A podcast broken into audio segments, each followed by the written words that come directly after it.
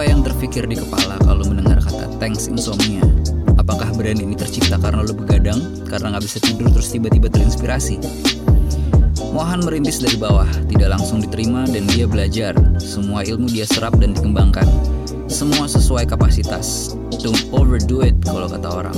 Gue Doci Sadega dan lo lagi dengerin Kata Doci. Podcast yang berisi cerita orang-orang di balik brand. Pesan yang mereka ingin sampaikan yang mungkin belum tersampaikan. Di depan gue ada Mohan. Let's hear what this guy to say.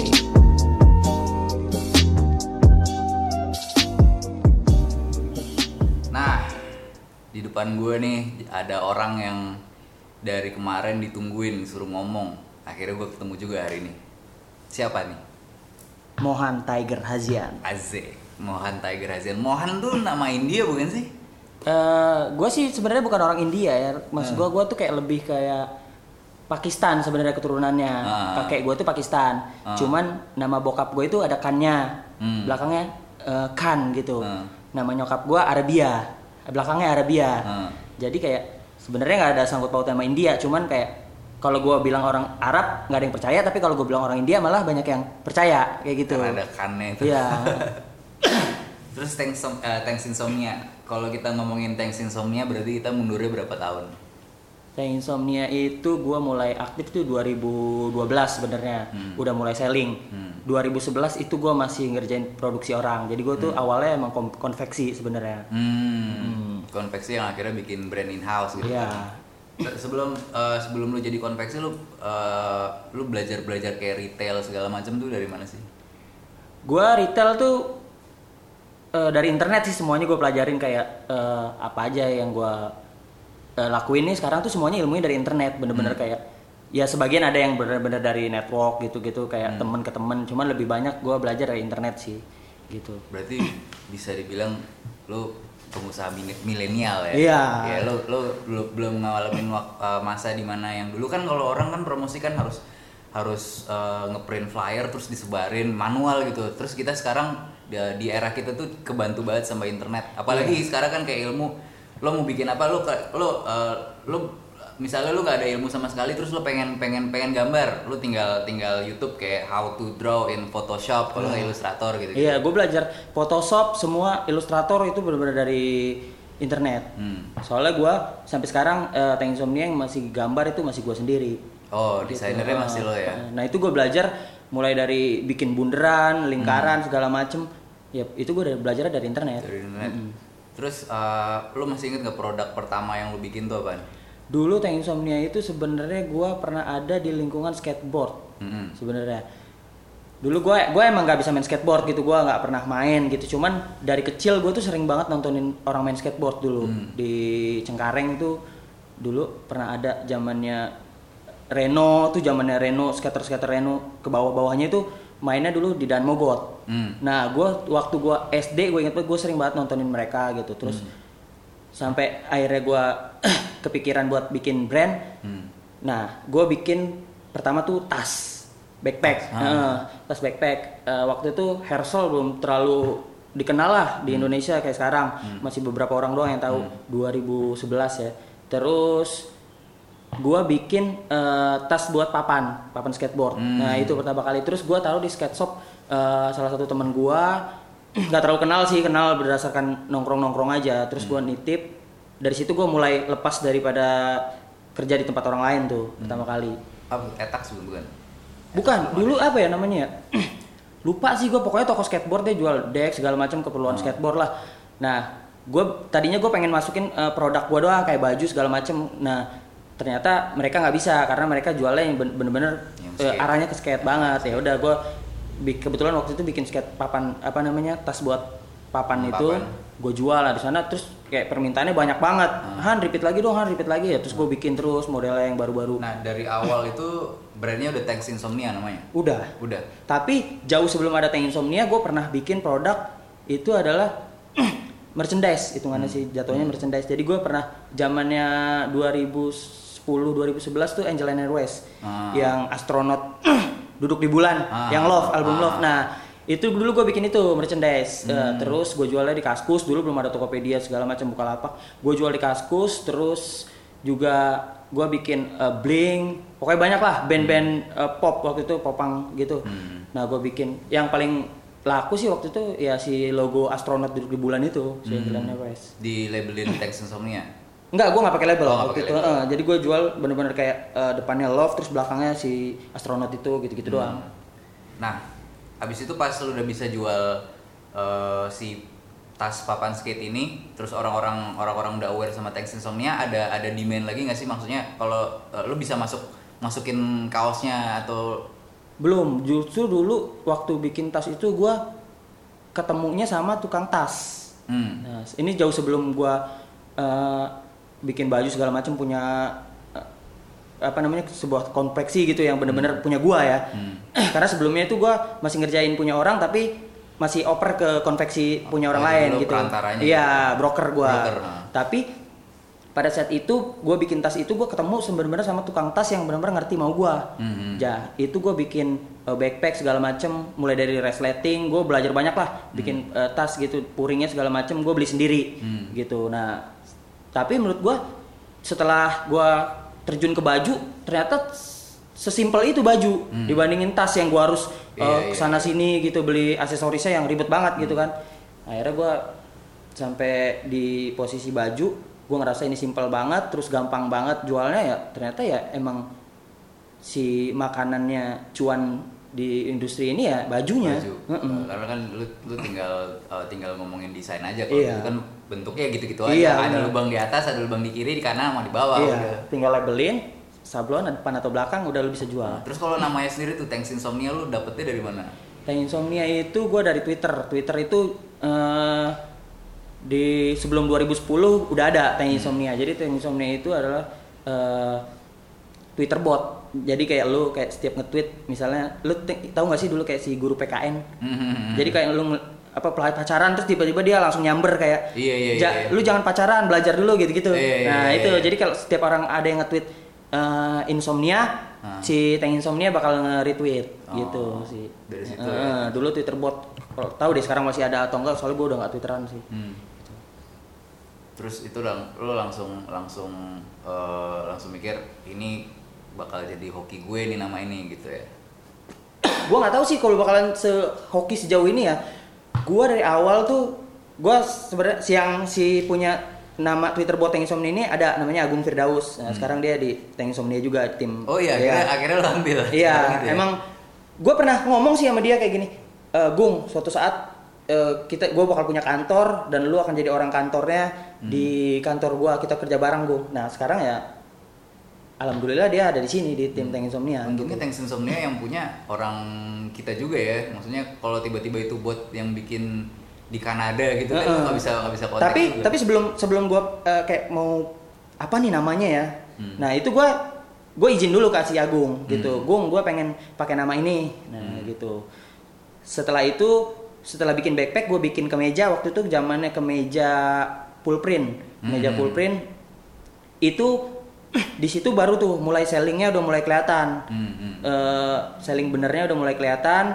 Zamannya gue jualan di BBM waktu itu, Hmm. Eh, Apa BlackBerry? Oh, BlackBerry. oh, BBM. Nah, terus di situ udah mulai kelihatan penjualannya, gue mulai daftarin nama si Tank Insomnia. Oh, jadi emang dari awal udah lu udah udah sadar bahwa ini harus jadi hak paten. Iya, soalnya gue sebelum gue ketemu Tank Insomnia, gue flashback dulu. Hmm. Gue ketemu sama orang-orang yang sama orang yang sekarang masih di Tank Insomnia juga, eh, namanya eh, Ferdi. Hmm. Nah, di ini anak-anak nyebutnya Bang Goban sih. Hmm. Nah, ini dia yang ngajarin gue banyak hal sih sebenarnya kayak produksi segala macem. Itu dia sebenarnya eh, orang produksi lama Hmm. zamannya yang ada toko di Melawai, eh deh di deket tokonya Agit apa sih? Eh, Dulu single MD bukan?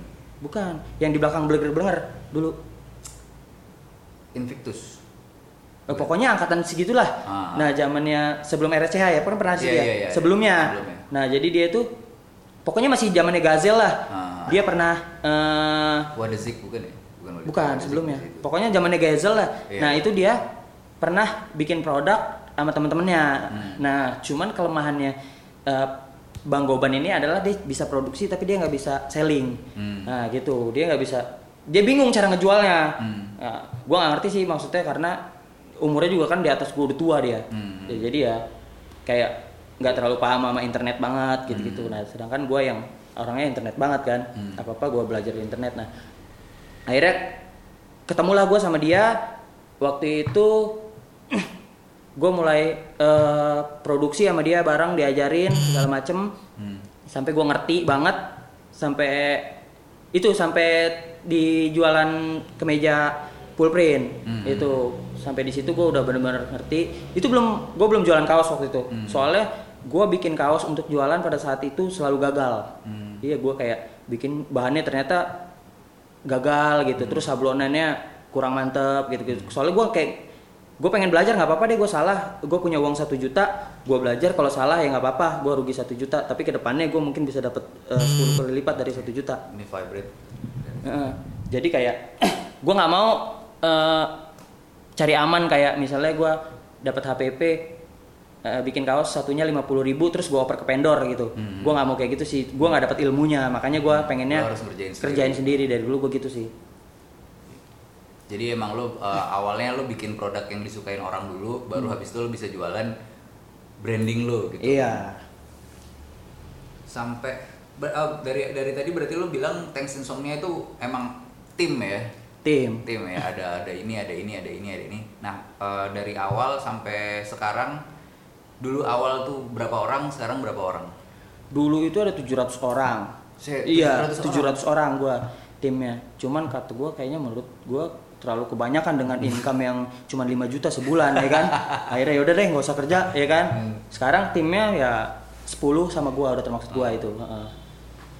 ya cukup lah 10 jadi kayak eh, jadi kayak gua sebelumnya gua dengerin podcast lu kan kayak lu sekarang punya tim juga kan berempat ya hmm. nah itu gua kayak gue emang segini ya bener-bener kayak yang sama gue juga kayak lu gitu nggak bisa ngambil keputusan sendiri maksudnya Ah. emang keputusannya ada di gua tapi gue nggak mau ambil keputusannya semena-mena gue pemilik brand gue yang mutusin sendiri nggak gue tetap eh, Harus diskusi dengan masukan dari iya di eh. bidangnya masing-masing Heeh, kayak gua kayak apa pun itu sih kayak Hmm. kadang-kadang aja gua buat Instagram pribadi gua aja gua mau ngepost ini pantas nggak sih gua ngepost ini? Gitu. Gua nanya ke mereka dulu gitu kayak Hmm. janganlah lu tuh kapasitas lu udah bukan kayak gitu gitu gitu Hmm. kayak mereka kasih masukan kayak gitu gitu sama sih maksud gua kita kayak gua mak- bahkan di Tank Insomnia ini kayak ada hmm, meeting di hari Jumat Hmm. eh, per akhir bulan gitu. Hmm. jadi saling introspeksi diri gitu. Wah kurang gua apa nih? Kurang kita apa nih? Gitu gitu jadi Hmm. kayak tiap bulan gua adain rutin kayak gitu biar sama-sama introspeksi. Terus juga kayak saling eh, apa nih yang kita butuhin bulan ini buat eh, sellingnya naikin selling atau gimana atau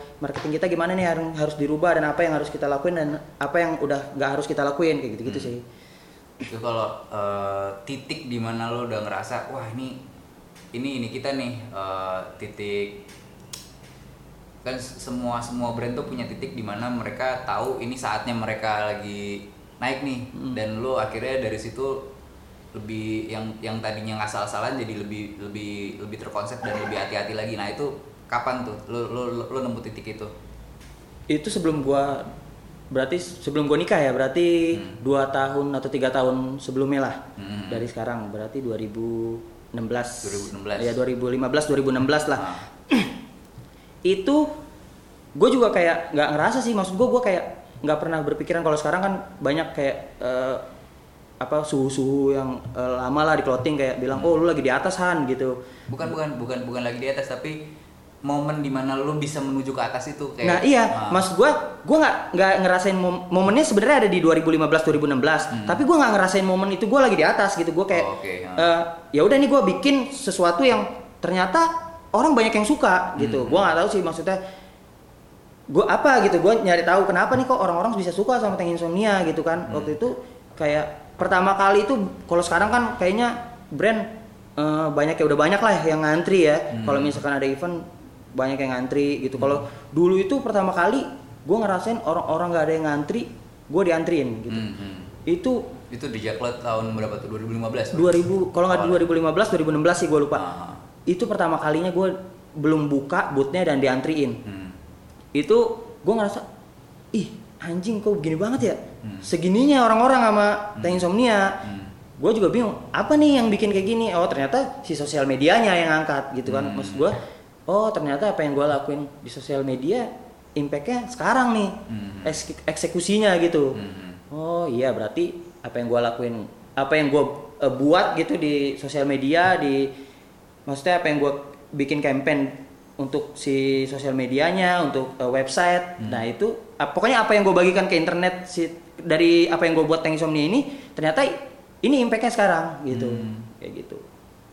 Itu em, kalau nggak salah itu du- 2015 gue ikutan kayak kayak ikutan juga ya. terus iya gue juga gue juga ngeliat tuh wah ini gila dia anterin. Waktu itu lu satu satu ini nggak sih? Satu satu satu komplek nggak sih? Kayak Thanks Insomnia Queen Beer sama itu belum belum. Itu belum gabung. Oh itu masih pertama masih sebelum itu ya? Hmm. sampai eh, nah terus ya udah dari situ terus lo kenalan sama si Martias. Martias, Heeh, segala sama macam gimana? Itu kalau sama Martias sebelumnya gue udah pernah kenal sama Martias, Hmm. cuman nggak sedekat sekarang ya. Maksudnya kenal sama Martias, jadi kayak kalau ada eh, acara ketemu ya ngobrol gitu, Hmm. lebih sering ngobrol ke Martias gitu. Kan ada dua tuh Queen Beer, Martias sama Bobby. Gue lebih ke Martias sih terus. ya udah kenal lagi sama Kebot, Shining Bright. Hmm. Terus ya banyak lah kenal-kenal lagi, kenal-kenal ya. Udah jadi temen aja gitu. Hmm.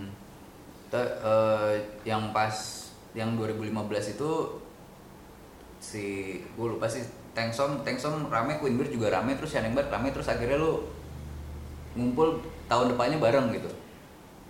itu tuh awalnya collab sih dari collab Hmm. sebenarnya nggak ada niatan kayak gitu-gitu cuman maksudnya nggak gue nggak ada niatan kayak bikin kubu gue bilang sama kebot sama eh, Martias Hmm. gue bilang gue nggak mau nih ada kubu-kubu gitu. Misalnya kita dibikin eh, trio. Hmm. sekarang banyak yang nyebutnya trio gitu-gitu kan.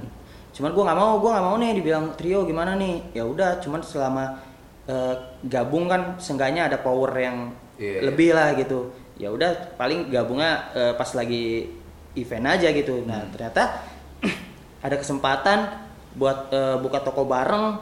Ternyata kejadian eksekusi ya udah akhirnya Oh, kebentuk lah si jadi startnya si Awalnya si collab. toko ini Enggak, awalnya collab yang sebelumnya itu kita bikin proyek kan collab bertiga. Bertiga. Heeh. Nah, setelah itu baru tuh Iya. Mulai- Tapi emang emang yang menurut gue sih kalau di industri ya emang harus sih ada ada yang mulai bareng-bareng kayak eh, kalau di Amerika sana kan kita ngeliat ada Fairfax. Fairfax itu kan gabung karena kan emang semuanya di lingkungan itu ada Hundreds dan lain-lain di Fairfax. Jadi ya orang juga bilangnya itu brand Fairfax gitu.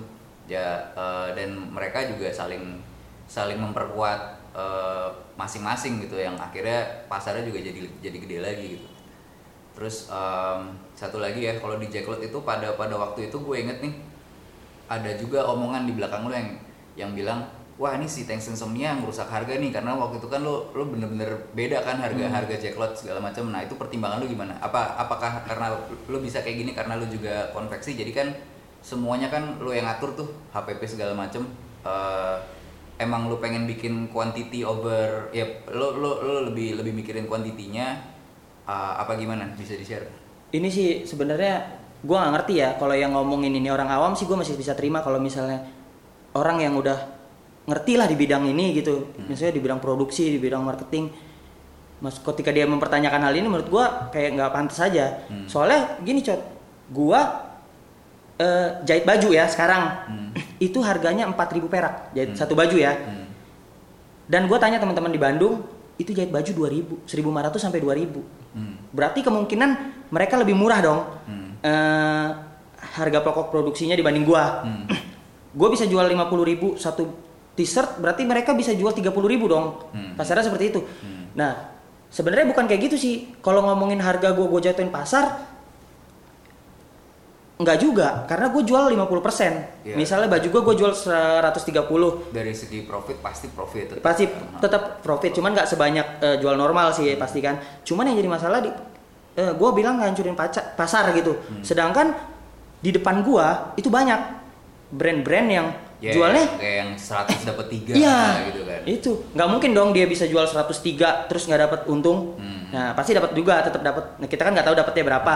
Cuman yang jadi masalah eh gue jadi sorotan karena gue jual murah terus laku Hmm. nah itu yang orang-orang mikirnya kayak oh dia wajar aja laku jualnya murah Hmm. ya kan nah sedangkan kalau ngomongin murah menurut gue masih banyak yang lebih murah Hmm. gitu soalnya kalau di Jacklot juga masih banyak kok yang jual tinggi tapi laku-laku aja Iya, iya. Shining Bright itu jual baju 100 ribu Hmm. tetap banyak yang ngantri Hmm. Dreambirds eh, pada masanya itu jualnya malah nggak diskon kan waktu itu Hmm. tetap aja nggak antrinya se Hmm. parah-parahnya waktu itu gue pernah waktu itu gue lupa aja ke tahun berapa pokoknya gue di sebelah percis eh, Dreambird boot orang lain terus boot gue Hmm. itu boot Dreambird sama waktu itu itu sebelum eh, Dreambird diantriin kayak gitu oh kalau Dreambird bukan ngantri mereka emang udah buka langsung beli gitu nggak nggak belum ada zaman yang ngantri kayak Hmm. Panjang-panjang iya, itu iya. belum Ah. waktu itu pokoknya rame botnya dan itu gue gue keker kayaknya emang nggak diskon gitu Hmm. ya bener berarti menurut gue bukan masalah harga sih. Hmm. itu emang karena terus sekarang juga gue kalau misal kasih diskon gue coba deh gue taikin harga baju gue Masih ada yang beli juga. masih ada yang beli juga. Coba deh kalau misalnya diskon gue harganya nggak kayak kemarin. Ternyata masih ada yang beli juga. Maksudnya nggak bisa dipermasalahkan ngancurin pasar sih menurut gue itu malah jadi ini ya jadi strategi marketing lo ya. Ada orang yang mau bayar mahal-mahal brandnya dipakai artis sebenarnya costnya sama aja kayak lo lo bikin diskon seasonal kayak misalnya cuman tiga hari ini kita harganya segini.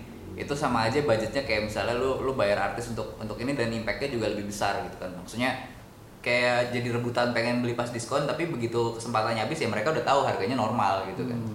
Udah itu berarti dari 2015 sekarang lu jadi punya office yang super keren ini. Iya, alhamdulillah sih. Ini ya maksudnya dari dua tahun sih dua tahun setelah lagi gua posisinya emang lagi bagus. Hmm. Ya udah gua maksudnya gua kan sebelumnya ngontrak. Hmm. Dari awal tuh gua dari bikin Tank Insomnia tuh gua ngontrak kontrakan, gua bikin meja, terus gua bikin meja nempel gitu ke dinding. Eh, terus Hmm. Yang akhirnya yang lama itu? Iya, sebelumnya jauh Oh, sebelum itu sebelumnya. iya gua kon- ngontrak bener-bener kayak tempat tinggal gua sih sebenarnya. Terus Hmm. gua pindah karena barangnya saat itu udah mulai makin banyak, gua pindah ke yang di sini di BSD ini Hmm. yang lama. Itu gua buat naruh barang lagi yang lebih banyak. Hmm. Nah, itu tetap konsepnya tetap eh, meja yang nempel ke tembok Hmm. kayak warnet gitu. Setelah itu di situ udah momen di mana gua udah mulai nabung buat di, bikin office gitu. Hmm. Kalau misalnya office segala macam sama konveksi itu tapi masih pisah. pisah karena emang dari awal gue sempat belajar juga sih dari teman-teman yang kayak buka konveksi terus sebelahnya di dijadiin kantornya gitu. Terus anak-anak di situ gabung sama SDM yang eh, produksi gitu. Pertama kalau gue sih nggak cocoknya karena gue nggak gabung kenapa ya? Karena pertama debunya sih. Hmm, debunya pertama. Terus eh, yang kedua nggak pantas aja maksudnya SDM eh, produksi sama SDM jualan digabungin menurut gua nggak cocok Iya. sih nggak bakal nemu gitu Ngobrolnya juga nanti nggak nyambung. iya ya. Terus eh, kalau kalau dari dari eh, background keluarga sendiri ada nggak sih eh, nyokap atau bokap lo yang emang ada di bidang ini gitu? bokap gua malah musisi cot Oh bokap lo musisi? makanya gua kadang-kadang sosok ngaku-ngaku musisi dulu ya karena bokap gua musisi Hmm. dulu itu sempat beberapa bantuin musisi-musisi dangdut Indonesia tuh doi bantuin juga gitu Hmm. nyiptain lagu Hmm. Nah, cuman emang namanya nggak kelihatan Hmm. pada zaman itu cuman maksudnya kayak orang-orang di balik layar lah Iya orang-orang di balik layar. Nah, tapi dia juga sempat ngajar juga, ngajar Ah. ngajar musik eh, privat gitu. Ah. Terus kalau misalnya nyokap eh, di nggak di Jakarta sih, di Lampung. Oh, di Lampung. Eh, gitu. Kalau gua dari kecil emang udah nggak sama bokap nyokap. Hmm. Gitu. Gua tinggal sama om sama tante gua, sama nenek gua gitu. Hmm. Nah itu tadi kita udah ngomongin eh, Thanks Insomnia ya. Hmm. Sekarang Tapi nanti itu detailnya sih gua gua lagi nulis buku, Cot. Oh iya, Iya, gua lagi nulis buku kedua. Hmm. Tapi di gua nggak pakai penerbit. Hmm. Jadi gua emang cetak sendiri. Hmm. Eh, buku pertama gua kan yang yang kemarin kan lu, lu sempat bikin juga. Iya, kan? buku pertama itu kan gue bikin 500 terus Ah. maksudnya cepet banget habis bahkan Ah. sampai sekarang masih ada yang nanya lagi. Nanya lagi. Buku kedua ini tetap gue nggak pakai penerbit. Hmm. Gue cetak lagi, gue bikinnya 500 dan gak bakal gue cetak ulang gitu. Hmm. Nah isinya buku kedua gue ini ya, eh gue lebih serius sih, lebih serius nyeritain tentang kalau gue ini bukan orang kaya gitu, bukan basicnya gue bukan anak orang kaya terus punya modal banyak nggak. Nah di situ gue bakal ceritain, nah, gue promo nih. Tadi ya. kan kayak kayak lu tadi pertamanya awalnya lu cuma bikin tas doang Heeh. sampai akhirnya sekarang ada Nah itu lebih lebih detail sih gue tulis di situ sih. Oke, ini berarti ini teasernya ya. Iya. Beli bukunya Mohan nanti lebih serius buku kedua ini. lebih serius sih kalau yang kemarin kan gua masih pakai bercanda-bercandaan gua lah Ah. kayaknya gua ngerasa kayaknya kalau gua bercanda terus kasihan lah maksud gua kayaknya netizen banyak yang butuh ilmu kayaknya Iya, ya udah deh emang bener-bener pengen butuh ilmu dari lu gitu. Mm-mm. berarti lo bukan bukan orang yang pelit ilmu juga ya Iya sebenarnya gue bukannya pelit ilmu sih maksudnya gue kemarin tuh alasan gue nggak mau kayak banyak yang nanya bang gimana sih caranya bang gimana sih pengen kayak pengen jadi gue gitu Hmm. cuman ya mungkin lu juga banyak lah yang nanya kayak gitu kan Hmm. cuman ya gue bukan yang nggak pengen itu menurut gue kapasitas gue kayaknya belum deh belum sampai situ buat Hmm. menggurui orang kayak gitu Hmm.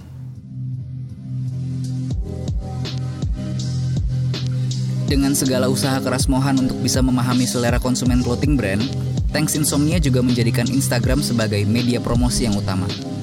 Instagram Thanks Insomnia saat ini sudah memiliki 455 ribu, sedangkan akun pribadi Mohan 44,8 ribu, kurang dari 10% dari followers Thanks Insomnia. Ini adalah indikasi bahwa ada variabel lain yang mungkin berpengaruh. Nggak cuman karena Mohan aja Thanks Insomnia sebesar ini. Dengan kata lain, setiap produk yang terjual bukan cuman karena ini brand Mohan, tapi memang dia menghasilkan produk yang membuat orang ingin membeli.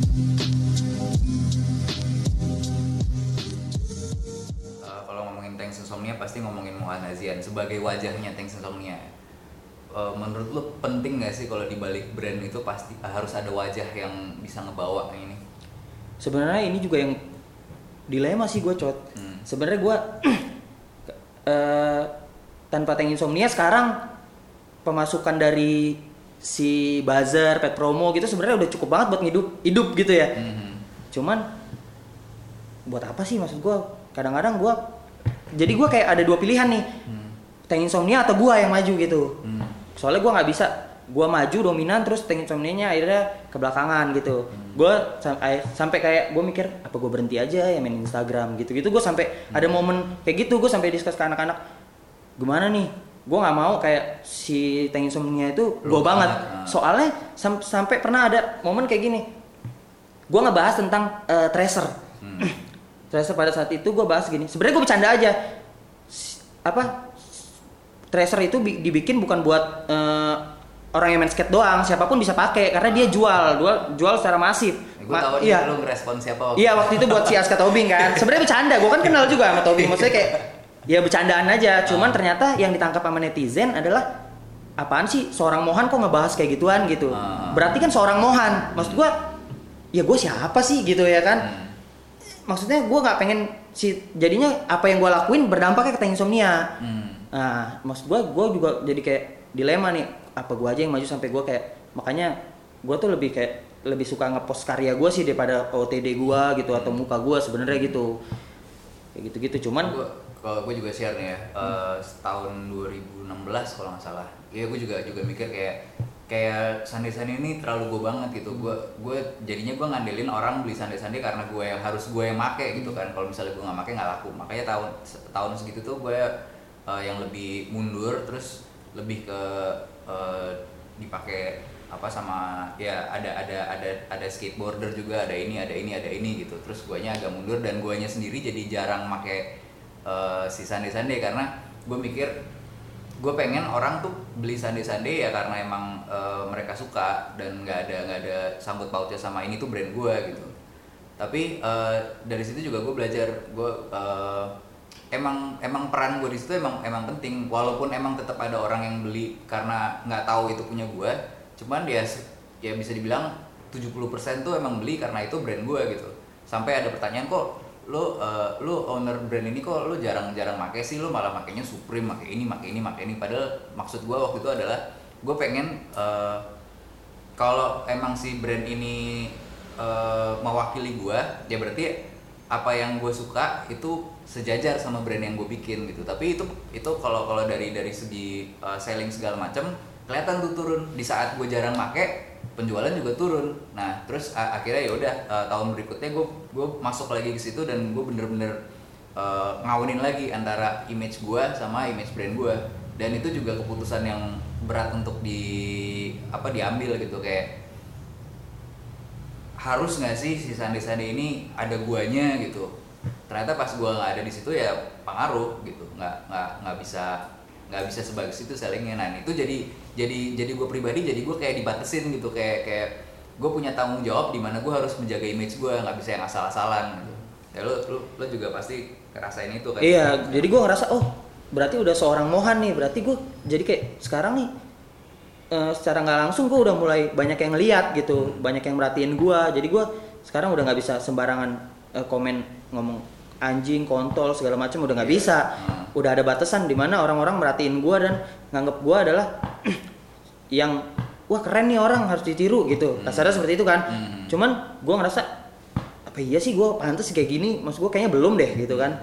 Tapi gue tetap ya udah deh kalau emang eh, iya ataupun enggak seenggaknya gue berhenti deh ngelakuin hal-hal yang eh, nggak nggak bener gitu. Ya udah gue jadi kayak sekarang tuh gue di sosial media kayak ya udah kayak nge-share-nya yang bukan kepribadian gue yang mungkin ya lebih ke arahnya ke karya gue apa yang lagi gue lakuin gitu-gitu. Jadi gue kayak ngapain lah gue nebar-nebar kebencian gitu-gitu kayak nyindir orang atau nggak usah lah maksud udah bukan di situ kapasitas gue kayaknya gitu-gitu. Dan dan kalau gue pribadi eh, untuk untuk ada orang lain yang bisa jadi wajah baru ya si Sandi Sandi juga gue belum nemu yang pas. Emang menurut gue ya yang paling pas ya gue gitu. Lo juga belum nemu siapa orang lain yang bisa Iya, kalau kalau gue sih sebenarnya gitu kan. gue sih belum sampai ke tahap yang lu banget gitu ya. Mungkin kayak eh, sandi-sandi doci banget. Nih kalau gue nggak Teh Insomnia mohon banget enggak sih. Masih nggak kayak gitu. Ma- maksudnya masih banyak lah eh, warga Indonesia yang nggak tahu kalau Teh Insomnia itu mohan. Nggak Hmm. nggak kayak gitu belum sampai segitunya. Jadi tapi sebagian memang ada. Kayak apa yang gue pakai pasti sellingnya di atas rata-rata gitu-gitu. Cuman ya itu gue pengennya tuh orang beli bukan karena gua gitu. Hmm. Ya bener-bener karena ini tank insomnia lo nih eh, desainnya ini produknya eh, ini eh, pesan yang pengen gue sampein dari desainnya gitu-gitu aja sih sebenarnya Jadi kalau di luar itu ada Rebel 8. Rebel 8 itu orang tahu Mike Giant. Iya, Mike Giant segala macam. Tapi eh, ada satu ada satu waktu di mana tiba-tiba owner yang di belakangnya itu pengen punya suara juga, pengen pengen ada highlight juga gitu kayak eh, gue nih ownernya Rebel 8 bukan Mike Giant. Mike Giant tuh cuman cuman ngerjain gambar doang gitu, segala macam yang ngejalanin semuanya gue. Terus dia pengen pengen ada di ada di spotlight. Sejak itu salesnya turun banget si Rebel 8 gitu itu eh, sampai ditinggalin sama fans-fans lamanya juga maksudnya dari sini kan kita lihat bahwa eh, ada emang yang eh, ada ada satu brand yang per- perlu wajah gitu dan ketika wajahnya dihilangin orang udah nggak nggak suka lagi sama itu kalau kalau begitu berarti cot itu kalau gue lihat berarti dari awal si eh, brand ownernya ini nge, gimana dia nge-build si brandnya sih kalau menurut gue Hmm. kalau dia dari awal emang udah nunjukin sosok nih lo si brand A ini sosoknya A Hmm. Nah, mungkin kayak gitu. Kalau gua, kalau di posisi si Tank Insomnia, Tank Insomnia bukan gua, bukan siapa pun gitu. Karena emang dari awal Tank Insomnia gua nggak pernah kayak eh, mau ada salah satu orang yang bener-bener Tank Insomnia banget nggak. Gua nggak emang kayak gitu sih. Ya gue juga udah sekian lama baru gue baru follow Instagram lo juga tahun lalu ya. Hmm. itu juga gue baru tahu oh ternyata Thanks Insomnia nih orang ini gitu. Terus habis itu kita yang ngobrol-ngobrol segala macam. Dah kita sekarang ngomongin kemarin lu lagi rame-rame nih bikin bikin satu video kolektif eh, video bareng. Di situ ada Kebot ada lo ada Martias ada Agit. Terus ada Denis nggak sih? Denis di belakang doang ya? Mm. tapi dia nggak nggak nggak Dia di situ sebagai Narasumber. eh, enggak pengguna fans aja sih. Oh, pengguna fans aja ya. Ya jadi narasumber ya. Terus eh, lo ngomongin lo ngerespon ada satu satu kelompok juga nih dia naikin sesuatu yang bilang eh, brand lokal plagiat gitu. USS lah Dokter Tirta, Bisma sama Jejo. Jejo. gitu. Nah, itu gimana tuh awalnya bisa ada video itu? Eh, sebenarnya gini, Cot. sebenarnya gue udah sekarang sih udah clear ya, maksud gue udah teleponan sama mereka gitu. Hmm. Udah bener-bener clear. Cuman yang jadi masalah pada saat itu adalah eh, gua sama anak-anak bukan bukan gua doang sih, ini bener- bikin video berdasarkan kesepakatan bersama gitu. Hmm, Cuman di sini yang kelihatan mendominasi adalah gua sama Agit. Hmm. Ya kan? Nah, ini sebenarnya video ini dibuat berdasarkan bukan karena sekedar cuman eh, ketakutan pasar sepatu diambil ya. Hmm. Hmm. Terus ini video yang part satunya itu sebenarnya udah gua privat Hmm. Eh, karena terlalu banyak yang nonton eh, part 1 sementara part 2 nya nggak ditonton. Yang pentingnya padahal di dua. Iya, di situ sebenarnya. Iya, edukasinya sebenarnya ada di situ. Kalau di part 1 emang intronya sih, intronya karena ini anak-anak dan termasuk gue yang nggak mikirin kayak eh, pertama tuh eh, pikiran, hati sama emosi. Sebenarnya kan kalau mau ngambil keputusan kan ada itu tuh, tiga itu yang harus dipikirin. Anak-anak lebih ke emosi juga sih sebenarnya. Nah, sebenarnya tuh lebih ke nggak respect sih sebenarnya kemarin itu sama dokter Tirta. Sebenarnya gitu. Termasuk gua. Gua ngomong langsung sama Tirta gitu. Gua udah ngomong kan. Dan dokter Tirta juga eh, mengiyakan dan dia bilang dia mau belajar lagi juga kan katanya. Kita lihat sih ke depannya. Semoga dia nggak terlalu sotoy lagi. Karena maksudnya anak-anak yang eh, menganggap dia sotoy ternyata bukan gue doang. Hmm. gitu. Ternyata setelah adanya video itu banyak maksudnya senior senior yang dewa-dewa di industri clothing Men- mengiyakan mengiyakan dan support gua banget gitu. Nah, walaupun ya di belakang itu netizen banyak yang menghina gitu. Maksudnya bukan menghina sih lebih kayak nggak terima gitu. Gua nggak tahu maksudnya ini apakah dia fansnya Dokter Tirta atau emang dia ngelihat si videonya emang nggak ada isinya menurut mereka. Sedangkan sebenarnya harusnya larinya setelah video eh, part 1 ke part 2 yang ada orang haki. Ah, beberapa ada yang komen kayak eh, plagiat plagiat aja nggak usah eh, ngeles terus segala macem gitu-gitu nah sedangkan di video itu gue bilang kita nggak usah bahas eh, plagiat atau inspirasi. Udah gitu. Bukan eh, menolak kita bukan plagiat. Bukan. Nah kita jelasin di situ. Kalau kita gua bikin sesuatu produk itu berdasarkan eh, kebutuhan pasar sama yang SDM-nya masih masih sanggup gitu. Nah itu yang nggak diterima tuh sama netizen. Sedangkan kan ya kalau gua ya cat ya maksud gua gua eh, bikin sebuah barang yang pengen gue jual tujuannya untuk menghasilkan rupiah ya pastinya gue jual yang laku dong. Iya. nah kayak gitu. Mas gue kalau misalkan eh, mindset lu ke bisnis masih kayak gitu sih menurut gue lebih ke duit ya. Jadi eh, lu, se- lu sebagai uh, produsen juga lu bikin alternatif pasar gitu. Iya, nah, ada gua- satu yang orang emang nggak mampu beli itu, terus mereka punya alternatif dan ada ada cerita di balik si alternatif itu, ya nggak ada salahnya untuk beli itu. Gitu. Iya, cuman yang jadi masalah kan eh, di video itu ya, fans ya sebenarnya. lu kan tahu gue bikin sepatu yang eh, dulu kita pas collab kan emang fans banget lah ya. Iya, iya. Dan itu juga kita nggak nggak bilang kalau ini bukan fans, ini kita udah rubah. Enggak, kita tetap aja kita tidak mengiyakan, tidak menggakkan gitu kan. Tapi secara personal kita emang mirip fans gitu. Kita bilang gitu kan. Nah, cuman yang jadi masalah adalah sekarang juga mereka ini gue kalau kayak gue nih si pasar teh insomnia jujur aja nggak keganggu sih pasarnya gitu. Jual sepatu kayak ada yang bilang udah mulai keganggu nih pasarnya panik. Ya alhamdulillah sampai sekarang gue bikin sepatu tetap habis gitu. Dan lu kan udah lihat tuh kayak sepatu gue ada yang nggak fans banget. Hmm. nah salahnya netizen ini terlalu awam cowok maksud gue sebenarnya ini nih yang harus diedukasi sama si influencer influencer itu maksud gue mereka tuh cowoknya eh, otentik era slip on tuh fans banget ya kan? Sedangkan yang gue bikin itu tuh fans pernah bikin. Terus itu tuh kayak itu tuh gue ngambil sulitnya dari Adidas Silas gitu. Terus tiba-tiba ada lagi yang keluar sepatu. Misalnya eh, sepatu-sepatu yang ke converse conversean sebenarnya itu bukan sepatu converse sebenarnya itu sepatu yang emang udah umum gitu. Banyak kok brand-brand gede yang emang pakai siluet itu gitu. Cuman yang jadi masalah Story segala macam juga pakai itu. juga. Iya, cuman lebih ke si fans ini yang jadi masalah menurut gua mah. Selepas daripada si orang hakinya malah bilang kan selepas daripada lima identitas fans udah nggak kita senggol, sebenarnya itu udah nggak kita nggak bisa disebut plagiat kan. Nah, cuman tetap aja kalau misalnya masih mirip-mirip gitu mau dibilang plagiat apa enggak, udah plagiat sebenarnya mah kan kayak gitu kasarnya orang awam bilang. Yang jadi masalah adalah ketika gua nih sekarang sebelum video itu dibuat 9 bulan yang lalu sebelum gua ke India itu gua lagi eh, bikin sepatu dari eh, siluetnya Reebok Hmm. Reebok Reebok klasik kok nah, sampai sekarang kurang lebih udah mau enam bulan lebih Hmm. belum jadi cot Hmm. maksud gue selama itu kan maksudnya masa iya gue harus eh, ngedevelop sepatu yang baru nih maksudnya ini kan polanya beda ya Hmm. Eh, terus juga nggak ada jual. Kalau misalkan kayak waffle polosnya si Van kan banyak cot yang eh, produksi gitu ya.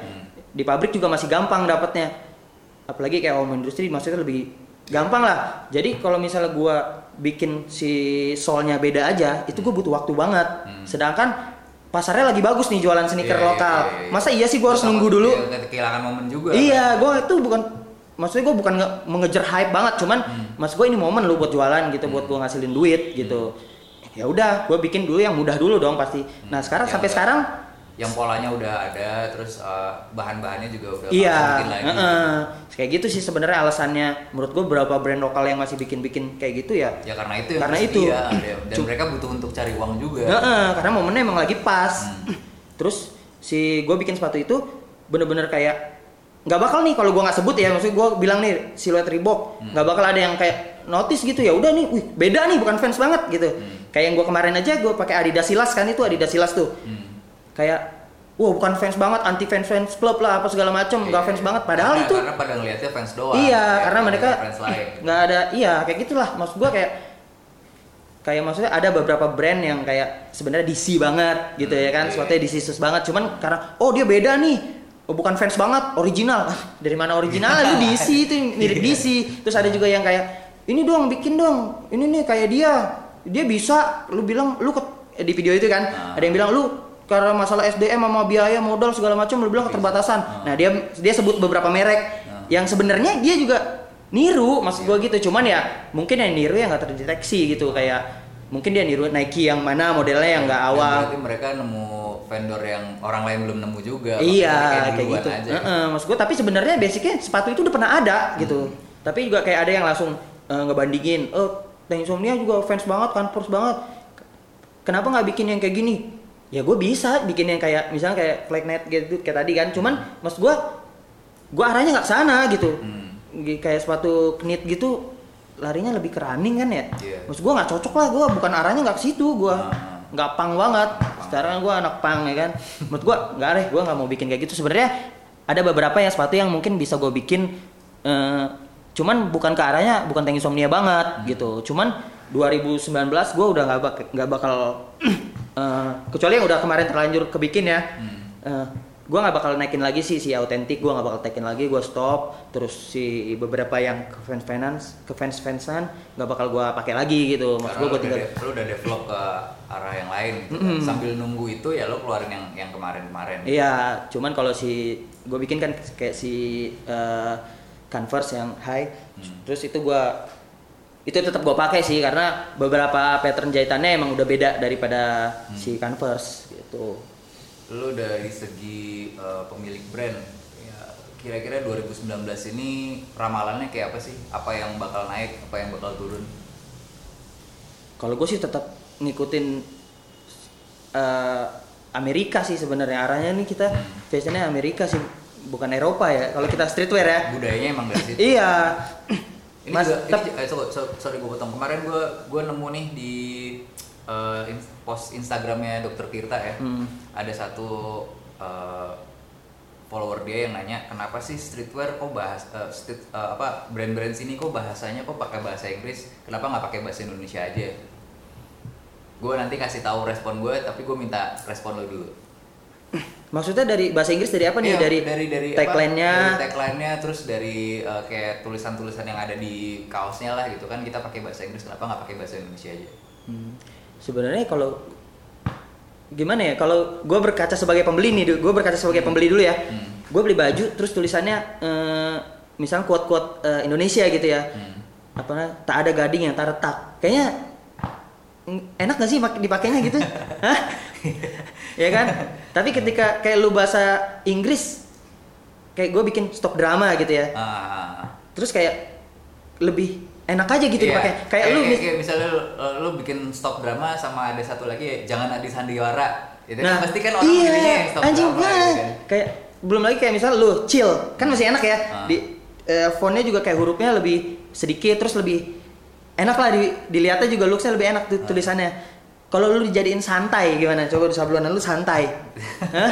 beda Roma Irama banget ya kan Irama. Mm-mm, maksud gua ya itu sih alasannya Ah. terus kalau kalau caption sih gua atau enggak kayak arahan untuk eh, si pembeli gue lebih ke bahasa Indonesia sih Hmm. tapi kalau untuk desain kayaknya menghindari bahasa Indonesia bukan yang enggak bineka tunggal ika tapi lebih ke arah cocok nggak cocoknya nggak eh. cocoknya. nah kalau gue respon gue sekarang ini eh, kita ngomongin streetwear berarti kita ngomongin budaya karena lu bilang tadi kan streetwear emang dari Amerika Hmm. Iya. bahasanya bahasa Inggris gitu sama aja kayak gini Islam itu kan agama global ya Hmm. Tapi kenapa bahasanya Arab doang? Kenapa nggak setiap negara beda gitu? Kayak eh, Quran di kita tuh bahasa Indonesia semua atau Quran di Amerika bahasa Inggris semua. Karena emang asalnya rootsnya dari Arab dan itu nggak diganti. Yang menurut gue juga streetwear juga kayak gitu. Gitu. Ya lo bilang cocok-cocokan karena ini cocok-cocokan. Mau nggak mau kita nggak bisa dipungkiri kalau budaya ini adalah budaya dari Barat gitu. ya berarti emang narasi yang paling cocok adalah pakai Barat. Dan kita juga nggak nggak mau ngebatasin pasar kita cuma laku di Indonesia doang gitu kan. Kita emang pengen bikin sesuatu yang skalanya global gitu. Maksudnya pasti harapan semua eh, brand dari owner brandnya timnya pasti harapannya internasional lah. Hmm. maksudnya ketika lu bikin yang bener-bener. Tapi ya maksud gua ada lah beberapa brand yang emang bener-bener pengen ngangkat budaya Ada, Indonesia? Ya ada, gitu. Ya, berarti kan itu kan itu balik arahnya lagi ke balik lagi ke kita sebagai Customer. brand. Eh, ke- ke- kita mau nyiptain uh, Oh, brand iya. apa gitu. Heeh. emang pilihan kita kayak gini lo nggak bisa nggak bisa maksain kita harus pakai bahasa Indonesia gitu. Kayak Iya. gue sebagai musisi uh, gue selalu dapat pertanyaan juga kenapa lo bikin lagu bahasa Inggris? Ya karena gue nggak mau stuck di uh, pesan gue cuman cuman buat Indonesia doang. Gue juga gue pengen bikin karya yang bisa dinikmati global. Apalagi sekarang gue nyiptain karya hari ini didengerin bisa didengerin di Amerika juga bisa didengerin mana juga gitu. Soalnya kayak bahasa Inggris ya universal lah. Maksudnya Universal. bahasa nomor satu lah di dunia maksudnya kan kayak gitu ya ya kalau kalau misalnya ada ada uh, patahan lagi kayak iya tapi gue nggak ngerti bang apa yang lo omongin ya mungkin berarti belum nyampe ke lo lo Iya. belajar lah gitu Menurut karena gua- karena karena lo juga lo juga nggak bisa maksain gue bikin sesuatu lo doang yang bisa dengerin gitu Mm-mm. Terus juga menurut gue sih kalau gue sebagai pembeli harusnya gue berkaca, oh ini buat gue belajar nih. Iya, Gitu. Kayak gue dengerin musik, Ah. musik gue lebih suka kayak musik-musik pop sih sebenarnya pop pop eh, pop biasa lah gitu ya. Hmm. Terus kayak tiba-tiba sekarang eranya gue tetap harus ngikutin nih Hmm. minimal walaupun gue nggak su- suka ataupun nggak suka minimal gue tahu gitu ya kan Hmm. itu sebagian ya musiknya bahasa Inggris Hmm. ya di situ kesempatan bukan berarti gue ah malas dengerin bahasa Inggris gue nggak ngerti. Tapi kesempatan gue buat belajar bahasa Inggris ngertiin lagi apa nih maksudnya gitu-gitu Hmm. Iya, kan. justru jadi ada motivasi karena dengan dia pengen ngerti lagu ini ya berarti dia belajar bahasanya juga gitu. iya maksud jadi gue jadi pemikirannya tuh harus dibalik. Kalau misalnya gue nggak ngerti terus gue nggak dengerin nggak kayak gitu.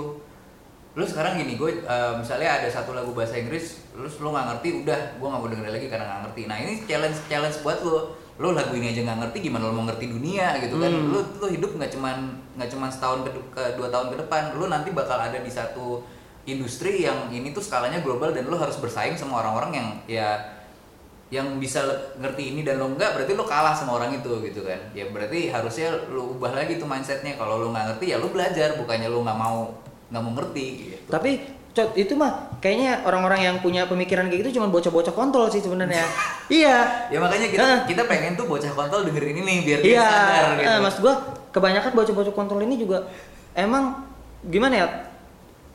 Kayak gini cot, kayak gua nih, gua nggak bisa nentuin pembeli cot, ya kan? Ada bocah yang mau beli, ada yang seumuran gua masih mau beli, Hmm. ada yang di atas gua mau mau beli gitu ya kan? Nah gua nggak bisa tuh tentuin itu, Hmm. tapi gua bisa, yang gua bisa lakuin cuman ini loh, gua bikin ini untuk yang segini, untuk pembeli yang ini gitu. Sama misalnya lu mungkin bahasa Inggris dia nggak mau beli, gua nggak ngerti bang. Ya udah berarti emang lu tuh tujuannya buat yang lain gitu kan. Ah. Nah sama, tapi kan kita nggak bisa milih. Ketika dia emang mau beli walaupun nggak ngerti, Hmm. dia beli. Maksudnya kemarin tuh pas banget momennya kemarin tuh gua naik motor, tiba-tiba ada bocah gitu ya pakai baju eh eh di belakangnya itu eh, klub sepak bola, terus bawahnya misalnya Persi gitu, terus sampai mati. Hmm. Menurut gue dia nggak ngerti itu maksudnya gimana. Kalau gue jadi orang tuanya, menurut gue ya nggak pantas lah anak kayak ngapain sih diajarin mati sampai pakai-pakai baju gitu. Kasar kan seperti itu. Itu kan pesan yang mau disampaikan kan lu ngebela si tim itu sampai mati. Menurut gue itu ya itu kan hak sih sebenarnya. Cuman kan kalau pesannya menurut gue ya janganlah jangan sampai kayak gitu ya kan? Hmm. kayak gitu-gitu sih menurut gue ya. Ketika gue nggak bisa ngasih si pembeli apa yang gue mau ya nggak maksud gue nggak usah kayak gimana gimana gitu. Hmm. iya. Nggak jelas tuh kan jadinya. Ya yang penting bocah kontol tuh harus dengerin ini deh iya maksud gue nggak kalau bocah-bocah kontol ini sebenarnya juga gini cot kalau gue yang lihat ya. Pertama nih mereka nih kan eh, kalau buat bahan bercandaannya mereka mungkin punya kuota lebih ya terus kayak Oh. nggak nggak ada kerjaan terus Iya. komen-komennya nggak jelas Iya, gitu-gitu. Kalau gue pribadi sih lu lu hapus hapusin nggak sih komen-komen yang nggak jelas gitu? Kadang kadang sampai goblok aja. Mak- maksudnya gue udah tahu nih oh orang ini eh, ke depannya juga pasti kalau gue posting sesuatu yang sama komennya bakal sama daripada gue respon gue hapus aja karena gue nggak perlu toxic kayak gitu di hidup Iya, gue heeh, bener. Maksud gue sampah nggak perlu deketin lah bau, ya kan? Bau, bener, Nah, bener. terus maksud gue, tapi emang harus ada yang edukasi sih bocah-bocah kontol Hmm. ini sih, maksud gue. gimana ya? Si bocah-bocah kontol ini kan terlalu banyak waktu luang gitu ya Hmm. kan?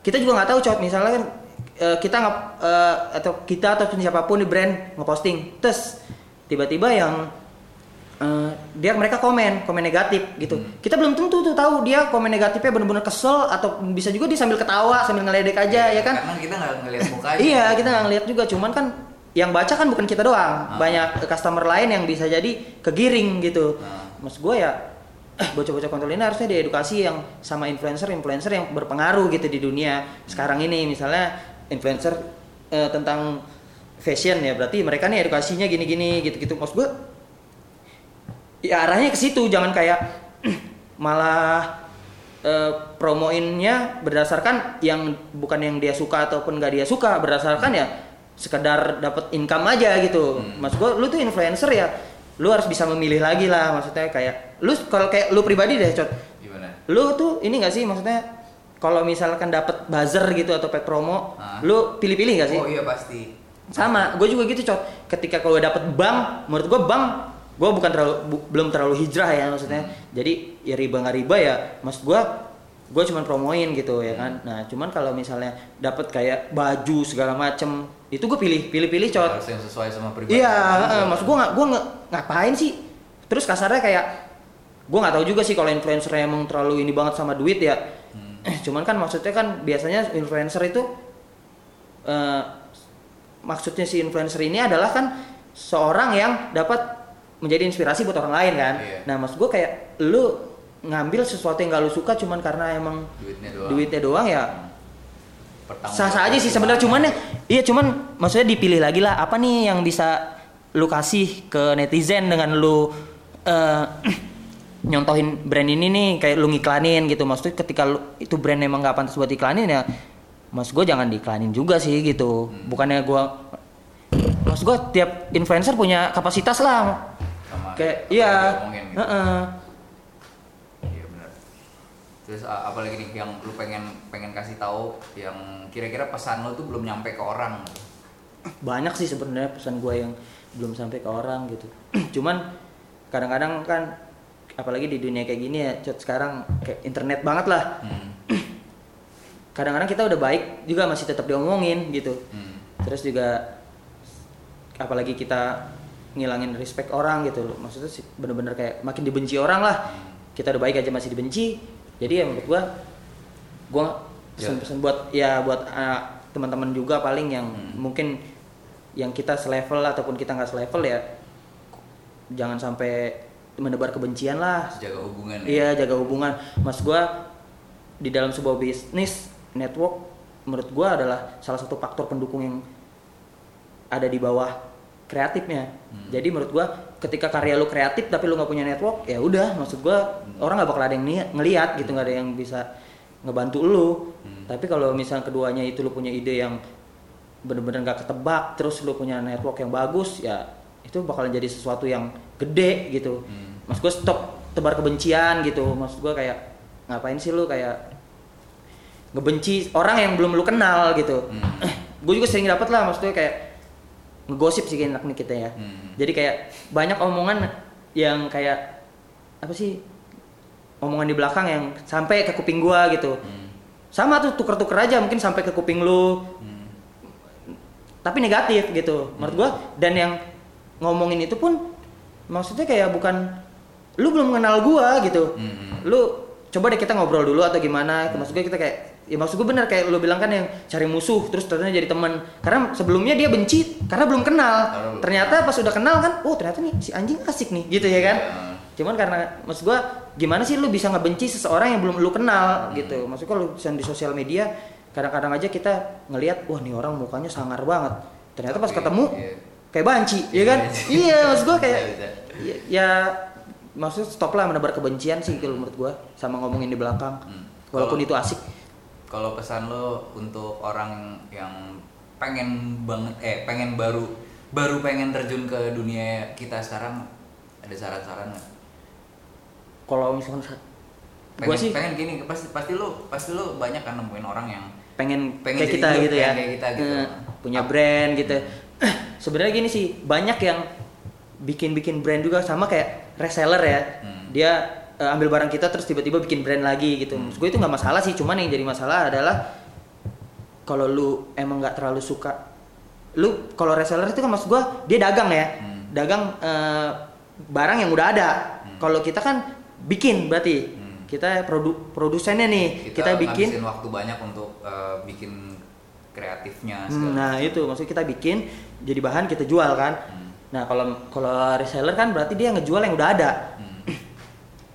Tapi kalau memang emang lu emang suka di situ, lu suka eh, ngebuat sebuah produk ya, atau enggak lu suka gambar, minimal harus adalah dari hal-hal yang misal kalau misal kalau kita nih ngomongin bisnis clothing ya, Hmm. maksudnya kan nggak jauh dari eh, produksi, terus bikin campaign nih kan, minimal tuh ada dulu lah yang lu suka cot, Hmm. kayak misalnya lu suka gambar, Hmm. nggak jauh-jauh kan, berarti kan kita emang butuh desain. Desain. Terus kalau lu suka foto nggak apa-apa deh karena lu punya brand terus eh, lu karena lu suka foto jadi lu bisa bikin campaign sendiri gitu-gitu. Atau enggak lu suka bikin video atau segala macam yang masih ada hubungannya. Ketika lu mau bikin cuman karena ikut-ikutan menurut gua nggak bakal panjang sih. Soalnya mungkin kalau dari cerita-cerita mah gua sih banyak banget temen yang kayak pengen ikut-ikutan gua gitu. Kayak lu juga mungkin banyak kan Hmm.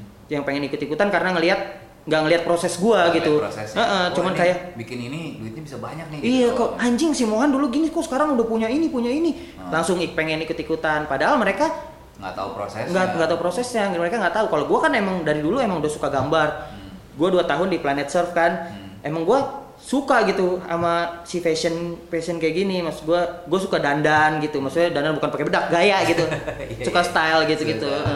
Sempet kepikiran juga buat jadi makeup artist gue mesti jadi stylist gitu gitu lah maksud gue cot iya ya kan berarti kan emang gue suka gitu jadi Hmm. ngejalaninnya Harus ada juga passionnya iya jadi ngejalaninnya enak sih menurut gue gitu pasti rata-rata yang disampaikan sama owner-owner brand paling kayak gitu sih Hmm. menurut gue kalau kalau nggak ber kalau masalah eh, bisa atau enggaknya sih itu pelan-pelan bisa proses bisa belajar sih Hmm. gue juga dulu mentah banget Photoshop gue nggak bisa Oke. tapi ketika gue udah karena gue suka gue suka ngegambar ya akhirnya gue bisa gitu Hmm. gitu gitu Iya, eh, yang gue lihat juga banyak banyak banyak sekali yang jadi ngiranya kayak instan gitu kan. Mm-mm. Semuanya bisa semuanya bisa tinggal pencet terus jadi kayak kemarin yang pas gue banyak upload itu tuh apa gue gambar lu, gue gambar Hmm. ini, gue gambar ini orang-orang banyak tuh yang nanya kayak itu pakai aplikasi apa bang? Maksud gue kalaupun gue kasih tau aplikasinya juga lu belum tentu bisa bikin gitu loh. nah Lu- iya kayak eh, lu bisa gambar nggak gitu? Nggak bisa. Ya ini juga bukan yang foto terus lu pencet terus jadi gambar. gitu. Iya, kadang-kadang aneh sih gue biasanya sih ya karena si bocah-bocah kontol itu kemungkinan yang nanya itu soalnya kalau kemungkinan dia agak sedikit lebih dewasa Cet, mungkin dia akan lebih kayak oh gue google deh Hmm. gitu ya kan kayak gue gue lagi suka banget nih sama mainan nih cot gue Iya. sampai gue tuh download eh, software yang bikin 3D Hmm. gue lagi pengen belajar bikin bikin 3D gitu kan buat bikin dolls Hmm. apa toys terus gue sampai belajar. Maksud gue dari awal deh gue kayak maksudnya gue bikin clothing pada zamannya itu adalah yang owner brand yang menurut gue oke si Peter pada zamannya. Eh, karena dia lagi waktu itu internasional banget kan. Terus bra- band-band-band mantep pada pakai dia semua. Itu gue follow twitter dia. Ada beberapa tweet dia yang menurut gue mentah gitu kayak apaan sih ini orang kok nggak pantas lah lu nge-tweet gitu ya kan nah terus beberapa tweetnya yang motivasi gue tapi gue nggak ada tuh kayak nanya-nanya ke dia bang gimana sih caranya gini-gini Iya. dia nggak bakal jawab lah Ah. kalau misalkan dia lu tinggal lu tinggal ngikutin aja apa yang dilakuin Iya. Kira-kira lu, lu lu cari tahu apa referensinya si dia Iya, gitu. menurut gua pasti kalau misalnya dia punya kunci sukses itu juga kunci suksesnya rata-rata udah ada di internet menurut gua. Cuman ya apa yang dia lakuin benar kalau lu bilang. Apa yang dia lakuin ini pasti beda nih sama orang-orang yang kerjaannya bangun siang gitu kan. Hmm. Ini pasti ada sesuatu yang beda yang dia lakuin, maksudnya ada sesuatu yang lebih lah. Hmm. Nah, kayak kayak gua maksudnya banyak yang kayak nanya-nanya gitu maksud gua ngapain? Gua nggak mungkin lah ngasih tahu Hmm. gitu. Kalau gua mau kasih tahu ya paling kenapa nggak orang-orang terdekat gua yang gua kasih tahu Hmm. gitu. Sedangkan lu nggak kenal terus nanya hal-hal seperti itu gitu. Menurut gua ya kayak kurang cocok aja sih. Hmm. Nah ini juga ada insight juga nih. eh, kalau gue ya, kalau gue mau sebut aja kayak gue mau jadi lo kan, Mm-mm. gue pengen jadi Mohan. Yang gue pelajarin adalah gue bukan nanya lo, eh gimana caranya gue jadi lo, tapi gue cari tahu kayak referensi lo kayak buku apa yang lo baca, film Mm. apa yang lo suka, terus eh, referensi apa yang eh, apa namanya yang yang lo lihat gitu. Dan kalau gue pelajari itu, gue bisa lebih baik, baik dari lo gitu, karena Hmm. lo lo ngambil inspirasi dari situ, Hmm. gue ambil inspirasi dari apa yang lo terinspirasi Nah, gitu. Sama, itu juga yang gue lakuin cot. Kayak misalnya eh, owner-owner brand ya, Instagramnya gue follow, terus gue lihat nih referensi dia apa. Iya dia ya kayak gitu. Itu maksudnya udah basic banget lah yang dilakuin.